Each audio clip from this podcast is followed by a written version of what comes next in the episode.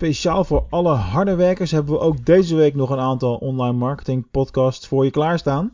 Het is de week van kerst 2019 en vandaag, morgen en aanstaande vrijdag publiceren wij gewoon een van de best of uh, online marketing podcast afleveringen voor je. Uh, en natuurlijk op eerste, tweede kerstdag eventjes, uh, eventjes niet. En ook volgende week zullen we een wat afwijkend schema hebben. Maar dat vertel ik dan wel weer. In ieder geval, vandaag heb ik een korte aflevering voor je klaarstaan over website usability. Ook een onderwerp wat continu aan verandering onderhevig is. Maar de boodschap van deze podcast die staat nog als uh, een huis boven water. Uh, ook al heb ik het in de show zelf over mijn uh, tweejarige zoontje. die inmiddels al, al zes jaar is. Dus zo snel gaat de tijd. De content is actueel, daar gaat het uiteindelijk om. Dus ga luisteren naar mijn inzichten rondom website usability. Uh, en doe er je voordeel mee. Maak alvast je plannen voor 2020. Veel plezier en tot morgen. Meer verdienen en minder uitgeven met online marketing. Dit is de DGOC Online Marketing Podcast. Vandaag ga ik het nog even hebben over website usability en wil ik jullie introduceren met dat onderwerp. Uh, in de afgelopen aflevering Meten is Weten heb ik het al eventjes gehad over AB-testing en welke software je daarvoor kunt gebruiken. Dat is natuurlijk website usability. Maar gaan we, laten we vandaag in ieder geval even stilstaan bij de rest. Om te beginnen, hoe zou je website usability nou omschrijven? Geef eens een, een definitie daarvan. Nou, als je het gaat opzoeken, dan kom je de volgende uh, zakelijke definitie, definitie tegen. En dat is de mate waarin een website de gebruiker in staat stelt effectief, efficiënt en comfortabel in een gegeven omgeving zijn taak te voltooien. Nou, als, als ik dat mag vertalen voor jullie, dan zeg ik kortom de gebruikersvriendelijkheid van de website. Daar is in feite alles al mee gezegd. Op het moment dat jouw website gemakkelijk is om te gebruiken, intuïtief, dan zul jij meer verkopen. Dan zul jij meer resultaat gaan boeken. Ik denk dat ik jullie alleen maar hoef te wijzen op uh, Apple met de iPod toen die gelanceerd werd. Je wist gelijk hoe het werkt.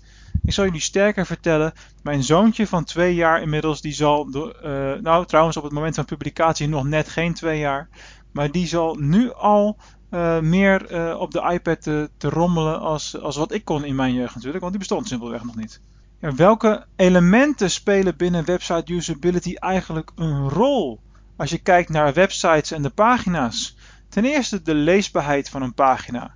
Het is misschien een open deur, maar hoe vaak kom je nog donkergrijze letters tegen op een uh, crème wit of misschien zelfs lichtgrijzige achtergrond? Dom, dom, dom. Gebruik gewoon zwart op wit. Dat is leesbaar. Dan houden mensen het langer vol op jouw pagina.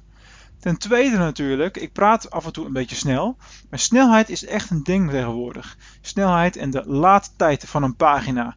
Moeten mensen te lang wachten, haken ze af. Zorg ervoor dat jouw website uh, slick is, zoals dat heet, en, uh, snel uh, laat. En doet hij dat nog niet, onderzoek dan waar de pijnpunten zitten, waar de problemen zitten en los ze op. ten derde, wat is de meerwaarde van een pagina? Je komt heel veel websites tegen waarbij je door vier, vijf stappen heen moet lopen alvorens je op de pagina komt waar je eigenlijk naar, naar op zoek bent. Bijvoorbeeld bij, uh, bij een webwinkels, daar heb je categorieën. Dan klik je door naar een subcategorie, dan kom je eens bij het product uit. Nou, voordat je dan een keertje aan bestellen toe komt, uh, dat duurt gewoon te lang. Dus vraag je bij elke pagina af, heeft deze een hele duidelijke functie? Voegt hij iets toe? Zo ja of nee? En als het antwoord nee is, haal de pagina dan weg. Uh, tot slot, wat een van de belangrijkste elementen binnen website usability is, dat is de inzet van call to action. Ook dat lijkt weer een open deur, maar onderzoek de meeste pagina's uh, maar eens en ga uh, puur en alleen op zoek op zijn pagina. Nou oké, zie ik hier iets wat mij aanleiding geeft om in actie te komen? Is er een call to action? Nou, dan zul je zien dat op 9 van de 10 pagina's enige vorm, elke vorm van call to action überhaupt uh, ontbreekt. En ja, dat is dus allemaal gemiste kansen en zonde, zonde, zonde. Als je met website usability aan de slag gaat, wat zijn dan eigenlijk voordelen die je, die je daarbij kan, uh, kan hebben? Of voordelen die na verloop van tijd ontstaan? Nou, ik noem er even een, uh, een aantal op. Ten eerste, uiteindelijk heb je minder ontwikkelingskosten. Uiteindelijk heb je minder verkoopkosten. Want als jij een beter werkende website hebt, uh, dan zal elke uitgegeven marketing euro waardoor jij bezoekers binnenhaalt meer rendement opleveren. Dus kun je uiteindelijk je budget naar beneden bijschroeven of kiezen voor een opschaling. Dat is natuurlijk maar net waar, waar jouw doelstellingen liggen en wat je ambitieniveau is. Ook minder productiekosten, minder servicekosten, want je krijgt minder vragen binnen op de e-mail. En uiteindelijk dus die hogere return on investment. Uh, kortom, website usability is super belangrijk. Uh, en ook daarom zal ik hier in dit onderwerpsgebied met verschillende experts in de toekomst in gesprek gaan. En ja, ontdekken, onderzoeken en leren met jullie samen. Uh, tot slot in deze aflevering wil ik even stilstaan bij een, een term die heel veel gebruikt wordt en heel veel gebruikt zal worden ook in toekomstige podcasts. En dat is conversieoptimalisatie. Nou, bij een conversie, hè, wat is een conversie überhaupt? Dan gaat het erom dat je ehm, een doel vastlegt en op het moment dat het doel bereikt is, dan noem je dat een conversie. Nou, de meesten denken dan direct alleen maar aan een aankoop binnen een webwinkel. Dat is een harde conversie, want daar zijn euro's tegenover. Maar er zijn natuurlijk ook andere vormen van conversies en doelen die je kunt bereiken denkbaar. Bijvoorbeeld een opt-in, dus iemand die zich inschrijft voor je nieuwsbrief.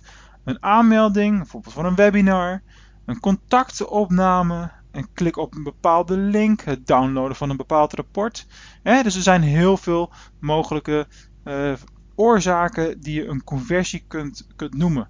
En uh, uiteindelijk draait het binnen website usability natuurlijk allemaal om conversieoptimalisatie, het verbeteren van het aantal behaalde doelstellingen. En dat is waar het om draait. Uh, je wil je doelstellingen bereiken en website usability gaat daar absoluut een rol bij spelen. Daar wil ik het voor vandaag even bij laten. Ik kijk uit naar de volgende twee eh, afleveringen en ik hoop jullie ook. En tot snel!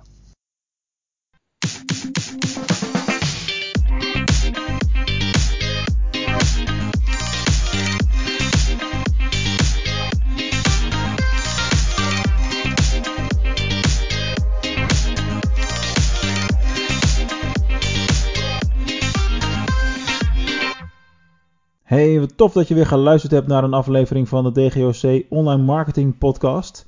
En zoals ik de afgelopen anderhalve week al heb verteld, hebben wij de reviews zeker bij deze relaunch van de podcast heel erg hard nodig. Ik zie dat de eerste reviews al aan het binnendruppelen zijn, waarvoor mijn ongelofelijke dank. Dat is echt super belangrijk en super waardevol. Maar ik kan je één ding vertellen: een podcast over online marketing opnieuw lanceren in 2019 is heel wat anders dan eentje opstarten in 2015. Er zijn simpelweg veel meer podcasts om uit te kiezen en om uit te luisteren of om naar te luisteren. Dus je zou me enorm helpen en ik zou het enorm waarderen op het moment dat je een review wil achterlaten uh, in de Apple uh, Podcast app uiteraard waar ik het over heb en voor uh, Google Android apparaten kun je het beste een review achterlaten voor DGOC op uh, Google in de Google klanten review uh, sectie. in ieder geval hartelijk bedankt nogmaals en tot de volgende.